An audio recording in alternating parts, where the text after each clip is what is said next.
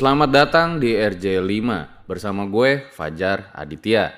Sebelum dimulai, gue mau ngasih tahu nih kalau nggak cuman gue, tapi lo juga bisa bikin podcast lo. Mulai dari rekaman, edit suara, sampai tambah lagu, semuanya tuh bisa lo lakuin sendiri dengan platform Anchor. Satu aplikasi buat semua kebutuhan podcast. Bisa di-download dari App Store dan Play Store atau bisa juga diakses dari website www.anchor.fm. Nggak cuma buat, tapi lo bisa langsung share dan publish hasil rekaman lo ke Apple Podcast, Spotify, Stitcher, dan lain-lain dari Anchor ini. Yang paling penting, Anchor ini gratis.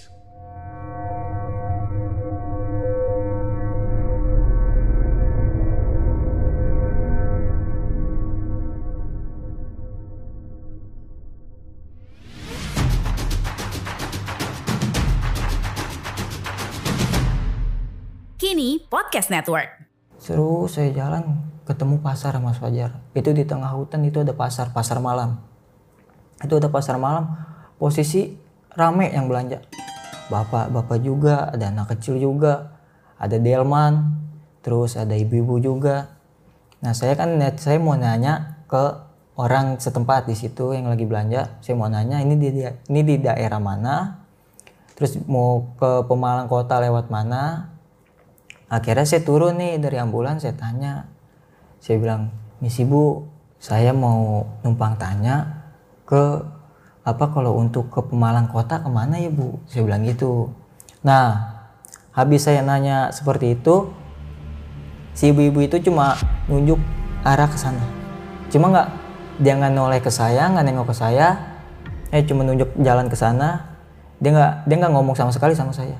Cuma yang saya lihat itu mukanya pucat mukanya pucat seperti kayak orang kedinginan aja. Itu bajunya biasa aja padahal ibu-ibunya. baju-baju rata-rata orang-orang ini apa kayak pakai kemben. Kebanyakan kayak orang pakai kemben. Terus udah gitu yang yang saya lihat di Delman itu yang yang tukang Delmannya itu saya ngeliat dia pakai belangkon terus pakai baju Jawa yang garis coklat coklat hitam itu saya ngeliatnya itu itu, itu di situ saya udah saya udah ketakutan juga ya saya udah ketakutan saya buru-buru saya naik. Saya naik ambulan saya jalan. Nah saya jalan terus. Itu sekitar pas saya pas di pasar itu sekitar jam mungkin jam 3 lah. Jam 3 saya juga nggak terlalu ngatin jam itu sekitar jam Itu pada dagang apaan pasarnya? sayur seperti kayak pasar kayak pasar normal aja. Kayak sayur terus daging segala macem lah itu jual di situ. Nah, tar dulu nih bang. Tadi berarti lewatin pasar itu, lewatin pasar itu lurus Lewatin aja pasar terus. itu. Nah, iya. Lewatin pasar terus. Nah, ini yang yang bikin saya yang saya bikin udah dekat sama kota itu sebelum saya sampai pasar itu saya ngeliat dari spion kan saya, saya saya sambil ngerokok saya ngeliat dari spion spion mobil itu ada lampu lampu mot kendaraan nggak tahu mobil nggak tahu motor itu lumayan jauh jaraknya cuma kan saya pikir oh udah dekat sama mungkin udah dekat sama Berarti lawan arah ini. gitu. Iya, enggak dia dari belakang. Dia dari belakang saya yang kendaraan itu. Mikirnya mungkin bentar lagi berarti deket kota. iya, gitu. saya mikirnya bentar lagi oh udah dekat kota, soalnya udah ada kendaraan. Udah gitu nggak lama dari kendaraan saya ngelewatin pasar. Oh, berarti udah jelas ya kan udah dekat sama kota, udah dekat sama Pemalang kota saya mikirnya. Nah, nah pas dari situ saya jalan nih, saya jalan terus. Saya lagi belokan, itu lagi belokan, tiba-tiba tutupan keranda yang atas jatuh, jatuh ke samping. Saya mikirnya mungkin gecol apa meleset, nggak tahu, nggak tahu apa gimana. Saya cuma tetap mikirnya nggak kepikir yang jelek-jelek terus. Saya jalan terus nih, saya jalan terus, terus saya ketemu warung, kayak warkop gitulah, kayak warkop, kayak warung remang-remang. Itu emang lampunya kuning, ada orang lagi makan cuma bapak-bapak pakainya pakaian adat pakaian adat Jawa. Cuma yang saya lihat itu uban ini apa rambutnya ubanan yang ngelayanin ibu-ibu tua. Saya emang saya, saya udah lapar perut saya udah lapar. Cuma saya mikir masa iya di tengah hutan ada warung sendiri? Mungkin kalau warung berjejer saya masih berani untuk berhenti. Ini satu warung sendiri. Emang sih saya ngeliat ada motor terus ada bapak-bapak. Saya mikirnya kan bapak-bapak itu yang lagi makan motornya Ini di kiri kanannya apa? Masih kebun? Itu kiri kanan masih kebun, itu saya masih di dalam kebun. Pokoknya saya keluar kebun itu selesai azan subuh, Oh, nggak lama jadi saya masih keluar. tadi kebun. Iya, itu masih di kebun. Ini sekitar jam berapa nih? Ini sekitar masih jam 3-an lah. Jam 3 lewat mungkin. Sekitar jam 3 lewat. Itu saya masih di situ. Tapi nggak nggak kalau ini jalan yang tadi dilewatin memang. Itu itu saya udah saya udah mikir ini udah pasti disasarin. Soalnya tadi saya nggak ngelewatin itu, saya cuma ngelewatin kebun karet aja itu. Yang pas saya berangkat, saya cuma ngelewatin kebun karet, nggak ngelewatin namanya pohon jagung, pohon tebu itu saya nggak ngelewatin. Jadi ketika nyampe di pasar itu udah mulai mikir, wah kayaknya tersesat nih. Iya, tadinya tadinya saya mau putar balik, mau putar balik arah ke rumah si almarhum. Cuma saya mikir udah nanggung, siapa tahu nanti nggak jauh udah ketemu apa kota Pemalang kota, saya mikir ya kan. Nah saya jalan terus, itu kan tadi kan keranda jatuh pas saya belokan. Saya berhentilah cari ada ada tuh lampu lampu satu buat nerangin jalan satu. Udah gitu juga lampunya juga nggak terlalu terang sih. Saya turun saya taikin lah nih keranda. Tutupnya emang kan karena berisik berisik ya kayak kegesek-gesek besi sama besi itu tutupnya sama ininya pegangan apa jagaan ini keranda yang di bawah. Nah pas saya benerin saya taikin pas saya habis nutup saya kan penasaran saya lihat lah. Maksudnya sekitar lingkungan sekitar saya lihat. Terus ketika mas mas Fajar ada sosok hitam nggak tahu itu mungkin orang bilangnya pada gondoruo kali ya. Itu saya ngeliat ini hitam nih bulu ini bulu. Terus bertanduk matanya merah natap ke arah mobil ke arah saya itu saya jelas banget. Saya udah ngucap masa iya sih? Saya udah mikir masa iya sih ada? Masa iya sih? Saya udah tetep udah dak dikduk dak dikduk jantung udah begitu aja kan udah udah udah nggak ini dah. Saya mau nangis sebenarnya saya mau nangis saya mau nangis saya takut saya sendiri posisi kan saya pulang saya sendiri. Saya mau nangis saya takut juga saya sendiri. Mau ngabarin juga saya bingung ngabarin siapa nggak ada sinyal. Nah akhirnya saya naik lah pelan pelan saya naik pelan pelan saya baca Bismillah saya baca dalam hati kan saya baca bacaan terus dalam hati. Ya tetap mulut mah ngomong cuma dalam hati mah kayak selawat dalam hati mah selawat. Cuma tetap mulut ngomong jangan ganggu. Gua nggak ganggu gua nggak ganggu. Kenapa kalian pada ganggu? Cuma tetap air mata turun air mata turun. Eh, namanya kita udah ketakutan ya gimana ya masih wajar dari jam satuan lah kita tersesat keluar hutan itu jam sekitar jam limaan lah itu selesai azan subuh. Itu di hutan aja terus tuh ya? di hutan terus. Itu untungnya pas saya mau sampai rumah si almarhum pas saya berangkat saya udah isi bensin. Full. Tadinya buat saya pulang. Buat saya pulang ke Tangerang. Siapa tahu maksudnya nanti pas pulang saya mikirnya takutnya pom bensin udah pada tutup. Apalagi kan daerah pedesaan saya mikirnya di situ. Kira saya isi full lah. So itu sekitar lima jam saya nyasar. Nah Ya kiri kanan masih hutan. Masih itu masih hutan. hutan. masih hutan. Itu saya ngelewatin pertama kebun jagung nah pas kedua saya ngelewatin kebun tebu. Nah itu pas di kebun tebu itu yang yang menurut saya lebih seram. Itu lebih seram lebih menyeramkan itu di situ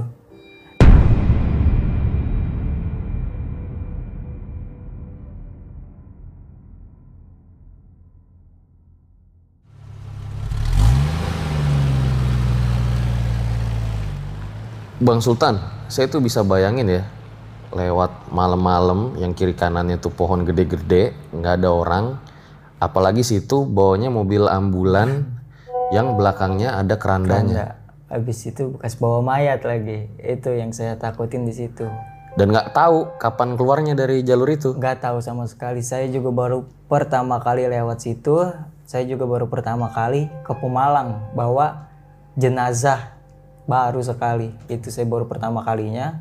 Pertama kali juga saya disasarin selama itu. Oke, nah akhirnya sekarang udah masuk ke kebun tebu nih. itu saya udah masuk ke kebun tebu. Sekitar jam berapa? Masih sama? itu sekitar masih eh itu udah jam setengah empat lah. Jam setengah empat lewat mungkin. Itu lumayan jauh sih kebun tebunya lumayan panjang. Nah saya kan main mainin lampu dim lampu jarak jauh seketika saya ngeliat itu ada sosok ular besar di tengah jalan menghalang cuma nggak nggak nggak semuanya dia nutup nutup jalan enggak Maksudnya ada ular di jalan gitu. ula ya mungkin kalau kita ini mah seperti ula sanca lah ula sanca cuma ini besar banget ulanya besar banget ulanya Sebesar gimana? wah besarnya yang listrik mungkin setiang listrik Hah? setiang listrik Ularnya? ularnya cuma saya ngeliat itu cuma dari setengah badan ke buntut. Palanya saya nggak tahu itu palanya udah masuk ke te- tebu pohon tebu. Saya cuma ngeliat setengah badan sampai ke buntut. Itu dia ngalangin jalan seperti lagi jalan Tapi kayak tingginya nggak setiang listrik kan? tingginya saya nggak tahu kan saya nggak ngeliat kepalanya. Gedenya aja. gedenya itu gede banget setiang listrik mungkin. Itu gede banget saya ngeliatnya. Ya mungkin ya saya nggak tahu itu ulah ulah beneran atau atau siluman saya nggak tahu ya. Saya tetap mikirnya ah ini cuma numpang nyebrang. Saya, udah kelakson kan saya udah kelakson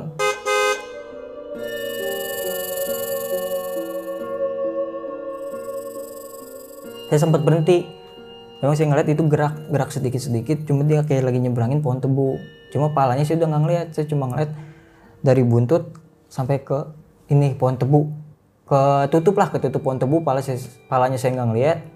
Saya lewat lah saya lewat situ seketika mas habis ngelewatin itu sosok putih nyebrang di depan mobil. Di depan mobil saya lewat di depan ambulan. Ya kalian bisa bayangin lah kalau bawa mobil jenazah sendiri udah gitu habis bawa mayat kesasar di tengah hutan yang nggak tahu hutannya di mana. Udah gitu juga sinyal HP nggak punya nggak ada gitu sinyal HP nggak ada pasti kalian bisa bayangin gimana bingungnya buat nyari jalan keluar atau buat ngabarin siapa posisi kalian di tengah hutan. Itu sosok putihnya kayak gimana, Mas? itu sosok putih yang saya lihat waktu pas di rumah. Di rumah si almarhum. Oh sama, sama kayak sama kain gitu itu. doang. iya. Cuma dia berapa kali lewat. Cuma nanti nih dia dari belakang ke depan dari depan ke belakang ter ke samping dia dia kayak ya kayak ngit, kayak ikutin mobil ambulan aja itu nah, habis itu kan saya baca bacaan terus. Saya, saya udah panik tuh. Saya udah keringet dingin juga kan. Saya udah panik. Nah akhirnya saya masuk lagi ke ini daerah apa di kebun karet juga. Wah saya mikirnya mungkin udah ini udah udah mau jalan keluar saya mikirnya kan. Saya baca bacaan terus. Saya- yang bisa saya baca kan surat-surat pendek saya baca. Nah alhamdulillahnya itu jam 4 itu kan udah mulai agak terang lah mungkin dari langit-langitnya udah mulai agak terang saya masih baca-baca terus. Azan lah azan subuh. Azan subuh di AP saya waktu itu kan ada azan subuh tuh. Kalau saya setel jadi buat sholat subuh juga nggak bingung banget. Maksudnya jam berapa apalagi kalau kita jauh dari masjid atau musola kan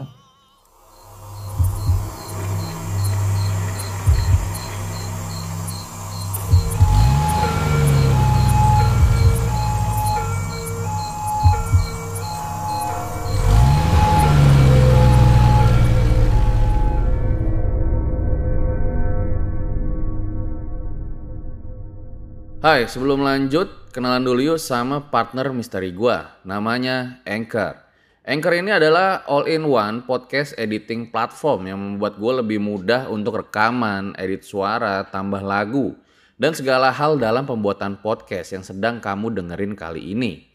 Anchor bisa ngebantu kamu bikin podcast kamu sendiri. Caranya tinggal download dari App Store dan Play Store. Atau bisa juga diakses di www.anchor.fm. Jadi download Anchor sekarang juga.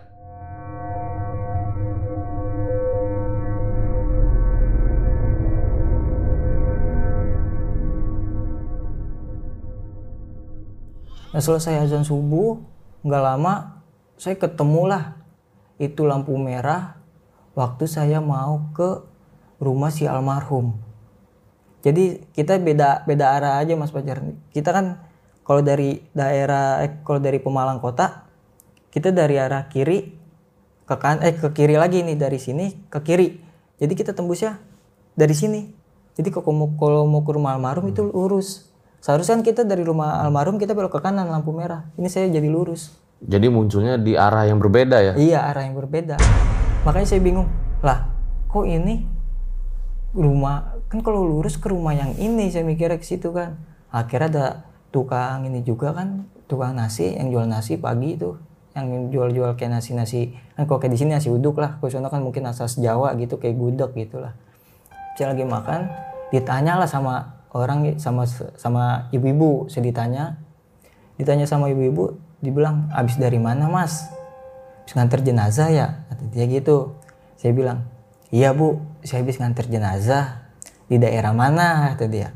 Di daerah Radu Dongkal bu lah ibu-ibu sempat bingung tuh sempat berhenti. Mas kan Radu Dongkal ke sana kata dia. Kok mas dari arah sana? kata dia. Itu ibu yang saya bingung. Mas kesasar? Dia, dia langsung nebak. Mas kesasar ya? Nah ibu-ibu itu mungkin tahu apa gimana. Mas ngelewatin kebun ini. Mas ngelewatin kebun karet kata dia. Mas ngelewatin hutan ini kata dia. Hutan jagung tebu. Ibu-ibu itu udah udah udah nebak saya mas Fajar. Nggak tahunya ya orang orang situ mungkin udah tahu sebelumnya juga ada yang tersesat di situ juga. Itu orang Bogor dia naik motor sekeluarga suami istri sama anak anaknya masih kecil. Itu dia tersesat dari jam 7 pagi sampai jam 7 malam. Baru ketemu jalan. 12 jam tersesat? 12 jam tersesat. Itu yang saya bingung. Saya untungnya untungnya saya cuma cuma lima jam. Apa karena nggak ada sinyal kali di sana ya saya kurang tahu kalau untuk masalah sinyal. Emang kalau sinyal di sana itu susah susah susah banget mas Wajar. Sinyal susah apalagi pas saya masuk yang nyasar itu. Nggak ada sama sekali sinyal. Pas kata ibu-ibu itu dia tersesatnya siang saya mikir siang masih enak masih ada matahari masih terang buat ngeliat kiri kanan juga masih enak. Saya malam saya mikir udah bawa mobil jenazah sendiri habis nganter jenazah. Itu yang saya pikirin. Nah akhirnya dari situ habis saya makan saya ke rumah si almarhum lah. Niatnya saya ke rumah almarhum itu untuk istirahat sebentar. Saya- karena kan saya dari malam itu belum tidur. Loh jadi udah nemu jalan keluar malah mau balik lagi? Saya balik lagi ke rumah almarhum untuk istirahat. Karena kalau saya keluar eh saya masuk eh saya lanjutin nih untuk ke Pemalang kota untuk masuk tol lagi tuh ke rest areanya masih lumayan jauh mas Fajar. Akhirnya saya ke rumah si almarhum. Orang tua almarhum tetangganya terus juga keluarganya juga pada kaget saya balik lagi. Saya bilangnya kan pamit, balik mau pulang. Katanya kok balik lagi? kata dia. Saya ceritain lah semuanya kan segala macem. Eh orang tuanya si almarhum bilang nggak usah heran apalagi baru pendatang di sini baru pertama kali ke sini udah pasti. Itu banyak orang-orang pendatang udah pasti disasarin. Cuma saya nggak tahu itu hutan apa namanya. Cuma katanya me- memang sering orang pendatang itu pasti disasarin di situ nah habis dari situ saya nyam- sampai jam sampai rumah almarhum jam setengah enam saya tidur lah sebentar saya istirahat sebentar buat ngenakin mata juga kan buat pulang.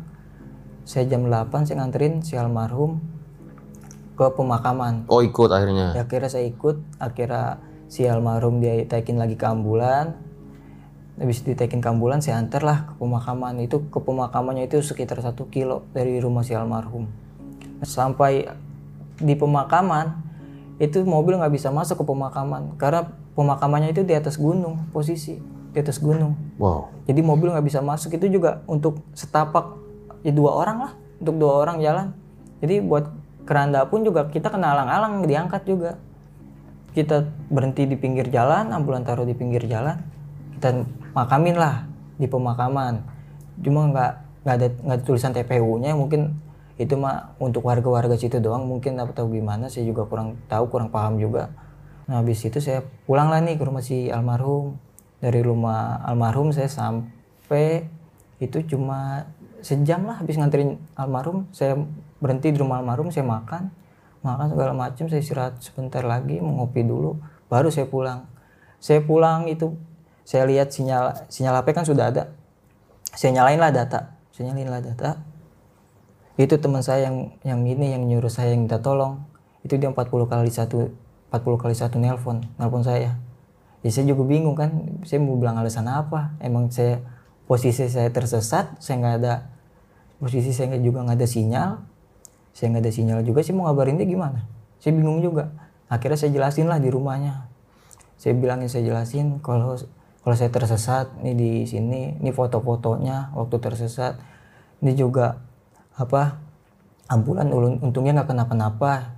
Tadi emang lampu rotator kan mati tuh mas Fajar yang saya bilang. Itu pas saya sampai lampu merah itu lampu rotator tiba-tiba nyala. Radio nyala lampu rotator nyala seketika. Cuma saya mikirnya nggak udah nggak usah nggak usah dinyalain maksudnya nggak usah di, nggak usah nyala. Udah nggak berguna saya mikirnya juga. Ya sudah pak maksudnya udah terang sih buat apaan saya nyalain kan? Saya mikirnya udahlah mati aja. Saya bilang gitu kan tadi be pas malam aja saya gituin kan semalam aja malam mati. Maksudnya kan saya juga butuh pas malam mau buat maksudnya buat ngasih tahu kalau ini ambulan kali aja kan maksudnya ada orang yang yang mau nolongin jalan keluar apa gimana. Apalagi kan ngeliat plat mobil kita kan ambulannya B plat B. Mungkin orang-orang situ kan mikirnya tersesat kalau walaupun kita ketemu sama orang penduduk situ biar dibantu saya mikir ya malah mati lampu rotatornya nah itu bisa saya ceritain semua segala macam ke teman saya alhamdulillah teman saya bisa ngerti cuma dia juga bilang kata dia dia juga pernah digangguin cuma nggak separah saya kata dia. Mungkin kata dia mungkin itu perkenalan lu sama dia kata dia. Akhirnya balik tuh ke Jakarta. akhirnya saya balik ke Jakarta. Sampai jam? Sampai dari sana kan saya pulang jam 9-an jam 9 lewat dari rumah almarhum. Saya sampai Jakarta itu jam 3 udah situ aja yang bisa saya sampaikan. Oke, nanti bakal banyak pertanyaan nih di closing.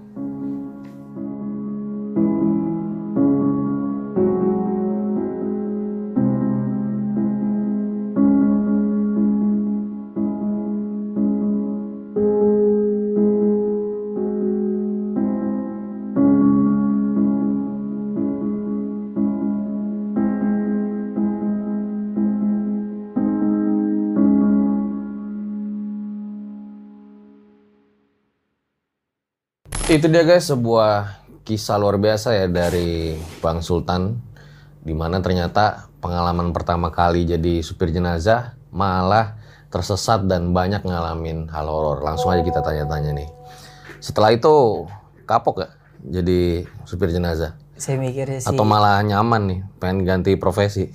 saya nyaman sebenarnya di ambulan bukannya saya saya bukannya saya nyamannya saya digangguin enggak mana ada sih orang yang mau digangguin sama hal-hal kayak gitu ya cuma kan niat saya cuma Siapa tahu pengen adrenalin kan? mau nolong ya niatnya saya mau nolong saya mau bantu saya juga nggak mikirin upahnya saya cuma niatnya saya mau ngebantu saya nyari pahala udah itu aja Setelah itu pernah bawa lagi? bawa pernah cuma yang kalau buat jarak-jarak jauh doang kalau buat ganti-gantian aja buat serap itu nggak buat serap kalau misalkan kayak Oh. yang supir yang ini capek saya misalnya buat gantian teman saya aja itu aja Jadi kayak cadangan, main cadangan ya? Iya buat cadangan aja Berapa kali total udah nganter jenazah tuh? lumayan sih udah lumayan udah sering kalau dihitung-hitung mah 40 mah ada kali 40 kali 40 kali tuh jadi cadangan tuh. iya Wah, mantep cuma juga itu ya. untuk buat ke daerah-daerah luar-luar doang kalau buat deket-deket paling teman saya kalau buat ke daerah Jawa kayak ke, misalkan ke Bandung atau ke tadi itu ke Jawa Emang suka nyup- nyupir ya?